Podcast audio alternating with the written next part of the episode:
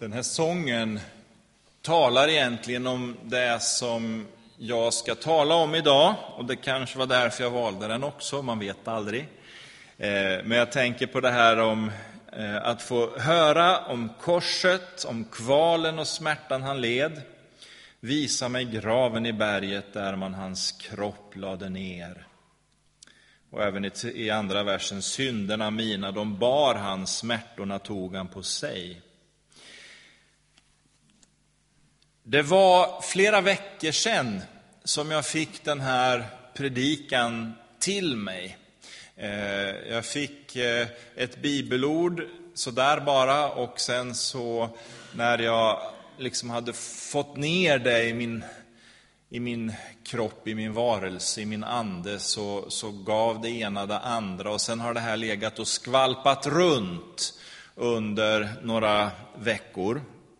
Eh, och har du Bibeln med dig så får du gärna slå upp Första Samuelsboken. Texten kommer här framme på skärmen också. Och jag tänkte tala över ett jätteviktigt ämne idag, det här med frälsningen.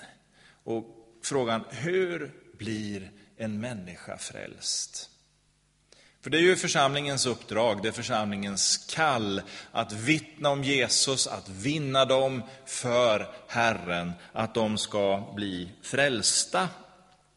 Eh, och vi kommer att börja i Första Samuelsboken eh, och vi kommer att fortsätta eh, i Hebreerbrevet. Det är ofta så att jag kanske kan börja i Gamla Testamentet, men jag slutar alltid nya. Slutar alltid inför Jesus. Och bakgrunden till den här texten som vi ska läsa är att det fanns en präst som hette Eli. Och han hade några söner som också var präster. Och de levde ett syndfullt och skamligt liv. Eh, och det där behagade inte Gud. Och så talar eh, Eli till sina söner. Första Samuelsboken 2 och 25.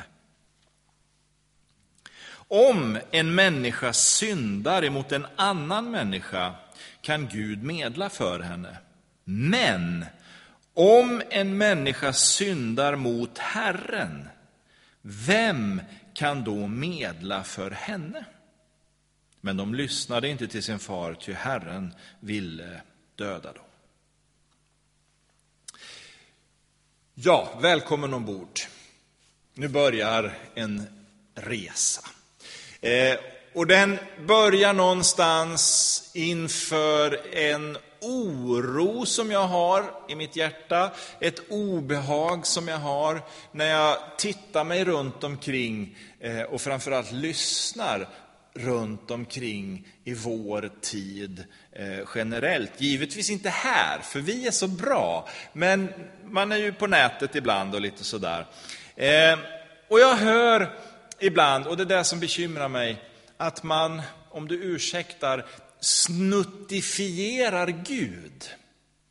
Man vill dra ner Gud hit till vår värld.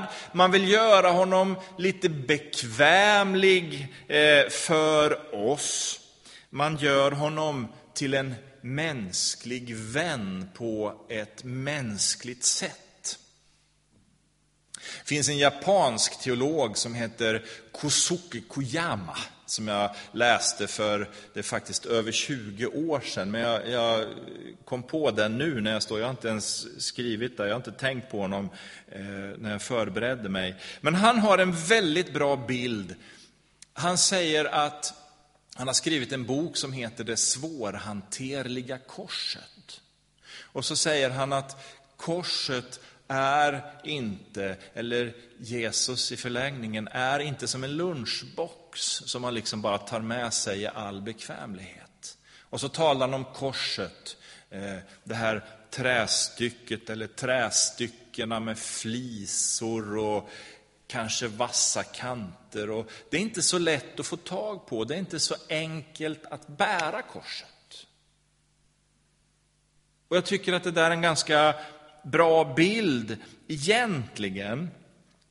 För Om vår tid vill förmänskliga Gud och lägga honom på en nivå liksom där han bara är en i mängden, så tänker jag så här, vi kan aldrig ringakta Guds helighet. Tänk när Mose står inför Gud vid den brinnande busken. Så talar Herren till honom, dra av dig skorna från dina fötter, för marken du står på är helig. Och så ser vi Josua och andra som möter gudsmän, kanske änglar och så. Till och med inför änglarna känner man en sån helighet att man böjer sig. Och då ska man tänka att Gud är ju mer än änglarna. Och därför är inte Gud någon som vi bara kan liksom paketera och göra lättillgänglig i den meningen. Så det var på grund av synden som människorna faktiskt förvisades från Edens lustgård. För det syndiga och det heliga kan omöjligt förenas. Det finns någonting mellan synden och heligheten som är en ogenomtränglig mur. Och bläddrar vi fram till första Samuelsbokens femte kapitel så får vi ju ett ganska intressant exempel på just detta. Guds ark, förbundsarken, ni vet den som man hade med sig eh, under uttåget från Egypten till löfteslandet. Den stod i tabernaklet och så småningom i templet i det allra heligaste. Det var den här guldlådan, eller vad man ska säga, eh, med keruberna på. Eh, I den här fanns stentavlorna, lagen, eh, manna från ökenvandringen och Arons grönskande stav. Eh, och på den här arken, på försoningsdagen, så stänktes ju blod till försoning för människornas synder. Den här arken eh, i första Samuelsbokens femte kapitel tar filisterna och för till sig, till sin stad. Och så ställer man in det i avguden Dagons tempel. Lite kuriosa. Eh, Faktiskt var det från Ebenezer som man tog arken. Så arken stod i Ebenezer. Men så tog man den då ner till Asdod. Och varje dag som nu prästerna, Dagons präster, kommer in i Dagontemplet så har avgudabilden Dagon, det var någon fiskliknande historia, eh, den hade fallit till golvet och slagit sönder. Och så lagar man den och så ställer man upp den och sen när man kommer nästa dag, då har samma sak hänt. Det hände ett par gånger sådär och, och så insåg ju de här eh, prästerna då att eh, vi måste flytta på Guds ark. För den kan inte stå vid avguden. Avguden var tvungen att böja sig inför förbundsarken. Det heliga och det oheliga kan aldrig förenas. Och så återgår vi nu till texten om Elis söner, så förstår vi ju, om en människa syndar emot en annan människa, ja, då kan Gud medla i det läget. Men om en människa syndar emot Herren, vem kan då medla för honom eller henne? Och det är här jag menar att vi måste förstå allvaret i att vi kan inte snuttifiera Gud. Vi kan inte tona ner Guds helighet och göra honom bekväm. Som någon eh, sa, som jag citerade för någon vecka sedan, att evangeliet är inte ett glatt budskap. Det är inte glättigt, det är inte ytligt och enkelt, men det är det glada budskap. Vi står alltså genom synden i skuld inför Gud. Och i den meningen är ju ingen enda människa bättre än någon annan. Alla är vi lika förtappade i grund och botten. Och kanske att någon kan tycka att vi inte ska tala så mycket om synden, för det blir så negativt. Och det är klart att om vi bara håller på att peka finger åt varann och förklarar hur syndiga människor är, då blir det ju inte speciellt bra. Men det grekiska ordet för synd, det betyder att missa målet. Och vi måste förstå frågan om frälsningen just utifrån detta. För talar vi inte om synd så finns det ingen nåd. Talar vi inte om synd så finns det ingen frälsning. De här två måste hanteras samtidigt. Men poängen är att evangeliet är det glada budskapet. För vi ska ju, även om vi talar om synden, inte fokusera på synden. Utan när vi talar om att det finns synd, så måste vi framförallt förstärka och lyfta upp talet om att det finns nåd. Det finns barmhärtighet. Det finns försoning för våra synder. Det finns en medlare mellan Gud och människa. Så det Eli talar om, eller egentligen frågar då, vem kan medla inför Gud för oss människor? Så har vi svaret på den frågan. Vi vet att det finns en medlare. Gud har dömt vår synd i Jesus Kristus. Han medlar emellan människan och Gud. Och det är det vi ska tala om. Hebreerbrevet kapitel 4, vers 15 och 16 säger Vi har inte en överste präst, alltså Jesus, som ej kan ha medlidande med våra svagheter, utan en som blev frestad i allt liksom vi, men utan synd. Tänk att jag kan aldrig stå inför Gud och säga, du vet inte hur eländigt mitt liv ser ut. Du vet inte, Herre, vilken smärta jag känner. Du vet inte vilken kamp jag har att kämpa. Och så försöker man liksom dra upp alla saker och, och skyla över att man kanske har gjort någonting som man vet att det där tyckte inte Gud om. Och då säger Gud, jo jag vet precis. Jag vet precis hur du har det. Därför att jag själv kommit till er värld eller till vår jord och blivit frestad i allt. Allt som jag blir frestat i, och allt som du blir, frestat, blir frestad i, allt som vi går igenom, allt som hela mänskligheten går igenom, det har Gud själv fått uppleva. Men han har också vunnit en seger genom att inte falla i frestelsen. För Jesus utsattes för frestelser, han utsattes för prövningar där Gud lät hans karaktär danas och så vidare. Men i allt detta levde Jesus efter Guds vilja. Så som Gud tänker att människan ska leva, som jag ska leva, som du ska leva. Trots att han bar hela världens synd och skuld på sitt eget liv, så stod han där.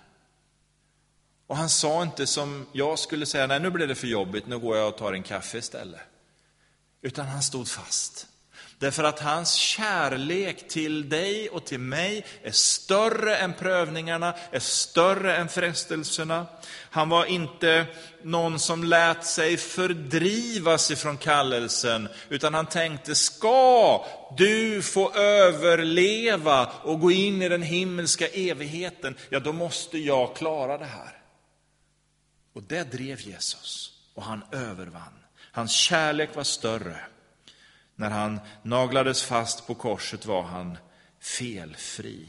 Och så fortsätter Hebreerbrevets fjärde kapitel med orden att på grund av detta kan vi, lyssna, frimodigt gå inför nådens tron.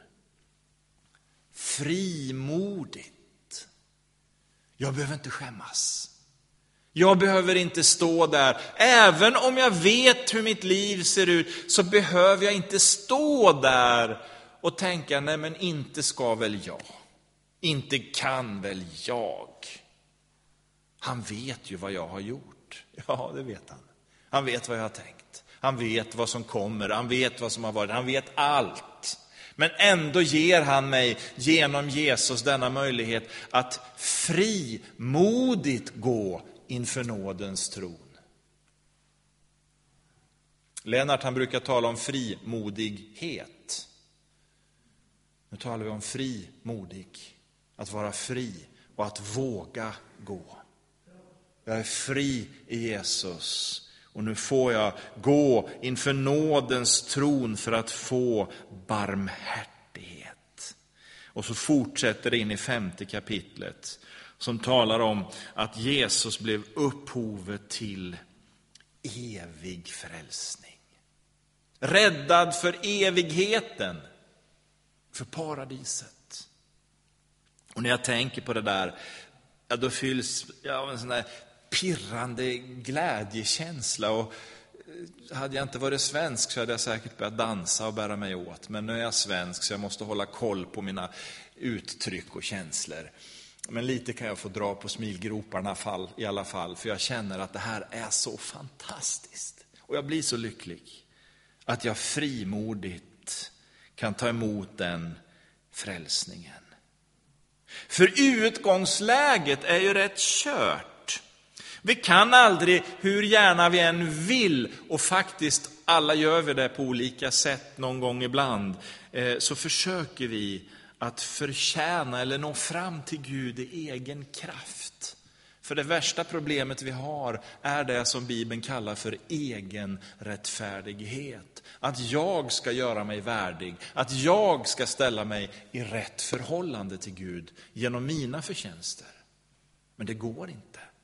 Fullständigt omöjligt. Hur felfritt jag än lever, så går det inte. För det som hindrar är synden som har rest ett ogenomträngligt hinder mellan mig och Gud. Guds kärlek till mig är större än det och han valde att komma till världen för att lösa det där problemet. Och det här begreppet nåd kommer in i bilden. Jag måste få skjuta in, eh, den heliga ande påminner mig om en, en annan bild. Eh, en av mina goda förebilder, Bo Giertz, jag brukar använda hans bibelöversättning som du vet. Eh, han har skrivit en bok som heter Stengrunden. Och i den boken så får man på ett ställe höra eller läsa en predikan som en präst håller. För den här boken handlar om en plats, en församling i Svenska kyrkan, en luthersk församling som man på tre ställen får följa tre olika situationer där väckelsen kommer till bygden. Och hur präster grips av det här och så. En fantastisk eh, bok egentligen. Eh, och så får man läsa en, eh, en predikan av eh, en präst i ett tillfälle här. Och så talar han just om frälsningen, att det är som när en egna hemsägare börjar rensa i sin trädgård. Det här måste ha varit nere i Småland någonstans, tänker jag då. Jag tänker på Karl-Oskar och Kristina. För han står där och sliter i sitt anletes svett med stenarna på åkern. Eh, och de far och de flyger åt alla håll och kanter. Men ju längre ner han kommer i jorden, desto större blir stenarna. Fram till en dag, står det, när han ränner spaden i Hälleberget. Och hur han än gräver åt olika håll ser han, här finns det en stengrund som jag omöjligt kommer förbi.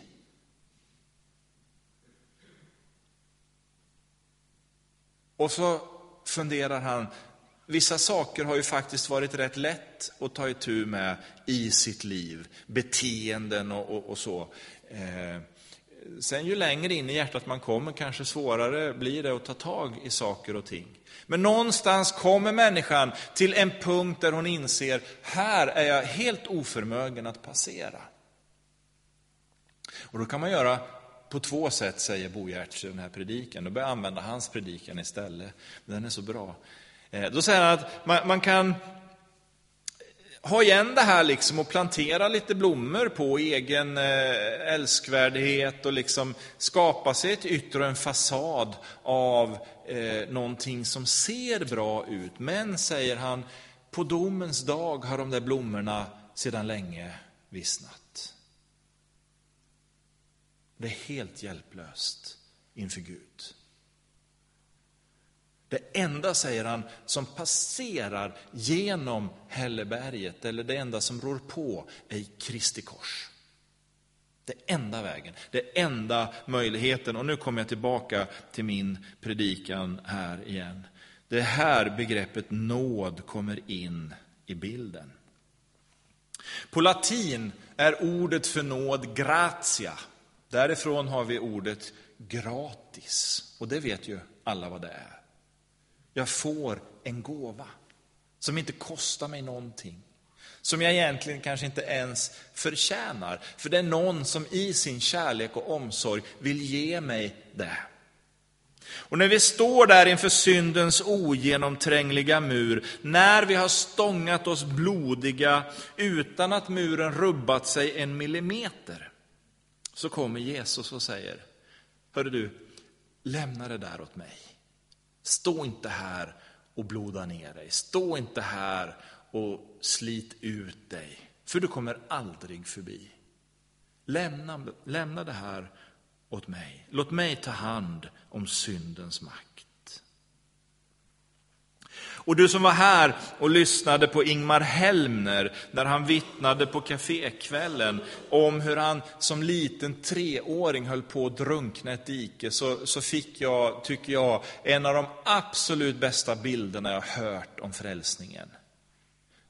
Du som var här hörde hur han trillade ner i dyn och han försökte, han kämpade så händerna var blodiga och allt det här. Liksom. Men ju mer han kämpade, desto djupare sjönk han i dyn. Och så är synden.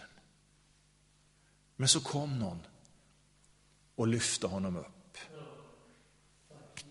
Någon lyfte honom upp. Och så är det ju också med frälsningen. Vi har inte kraft att ta oss upp, vi har inte förmåga. Det var någon annan som räddade honom och det är någon annan som räddar oss människor. Och så är det med synden. Han lyfter oss upp. Han gör det vi inte kan. Och det är nåd. Jesus tar itu med synden och det enda vi behöver göra är att tillåta honom att lyfta upp oss. Ni vet kanske hur det är att livrädda någon, även om vi kanske inte ens har behövt göra det. Men de som har gjort har ju berättat, om någon håller på att drunkna där ute, ju mer de sprattlar när man försöker rädda dem, desto svårare är det att få med dem in till land. Det gäller att lita på att den som kommer ut för att rädda mig också tar mig i säkerhet. Och så är det med frälsningen. Om vi sprattlar och gör motstånd så blir det svårt. Men om vi kapitulerar och ger det här till Jesus så blir allt så mycket enklare. Och så säger Hebreerbrevets sjätte kapitel att vi i detta har ett tryggt och säkert själens ankare som når innanför förlåten. Dit Jesus gick när han dog. Han bröt en väg genom det som skilde oss ifrån Gud. Och det enda vi behöver göra är att bekänna vårt beroende av Jesus och säga, jag klarar inte detta. Och så hamnar vi i Hebreerbrevets sjunde kapitel, vers 24 och 25. Eftersom Jesus lever för evigt har han ett prästämbete som varar för evigt. Därför kan han också helt och fullt frälsa dem som genom honom kommer till Gud, ty han lever alltid för att mana gott för dem. Och nu landar vi i frågan som vi började med om frälsningen. Hur blir jag frälst? Och Eli ställde frågan, vem är det som medlar emellan en människa och Gud? Svaret är Jesus. Han står just nu, denna stund, denna sekund, står han inför Fadern och manar gott för dig, du som är här, du som lyssnar på inspelningen. För alla människor står Jesus och manar gott inför Gud. Är det inte skönt att veta att det är så? Han för min talan inför Gud. Och hans sårmärkta händer bevisar hans kärlek till mig som människa. Gud har ett obrytbart löfte i att den som lägger sitt liv i Jesu händer och följer honom också fullt och visst kan räkna med att vara frälst. Att bli frälst är inte svårt. Bekänn, bekänn din synd, lämna den till Jesus. Och här kan ingen komma undan, för alla har vi syndat och saknar härligheten från Gud spelar ingen roll om vi heter Moder Teresa eller är någon människa som man tycker är perfekt. Alla, ja, du, alla människor har ett utgångsläge där vi är åtskilda och separerade från Gud. Jag bekänner det inför Gud. Kapitulerar. Jag tror att Jesus tog min synd upp på korset. Gud dömde min synd på korset i Jesus, Romarbrevets sjätte kapitel. Och det viktiga, tredje punkten, acceptera att Gud har förlåtit dig. Det är det svåraste av de här sakerna. Jag vet hur det är. Och därför tycker jag att den här barnföreningen Lammet som fanns i församlingen för hundra år sedan drygt var så fantastisk. För medlemskapet handlar ju om att bekänna sin tro på Jesus men också vara viss om sitt barnaskap. Att acceptera och leva i den vetskapen. Jag är förlåten. Och då föds också det här som är så viktigt, omvändelsens nödvändighet. Jag beslutar mig för att följa Jesus. Endast den som simmar mot strömmen kommer till källan. Jag kan inte fortsätta gå med i världens riktning bort från korset. Jag måste vända om. Jag måste gå en ny riktning för att komma hem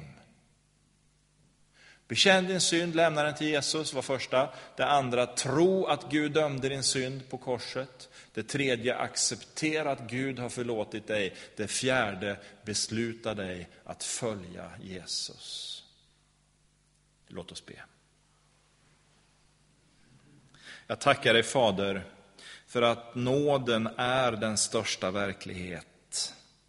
Tack att du ger oss frälsningen som en fri gåva. Tack att du inte kräver någonting annat av oss än vår kärlek till dig och viljan att följa dig.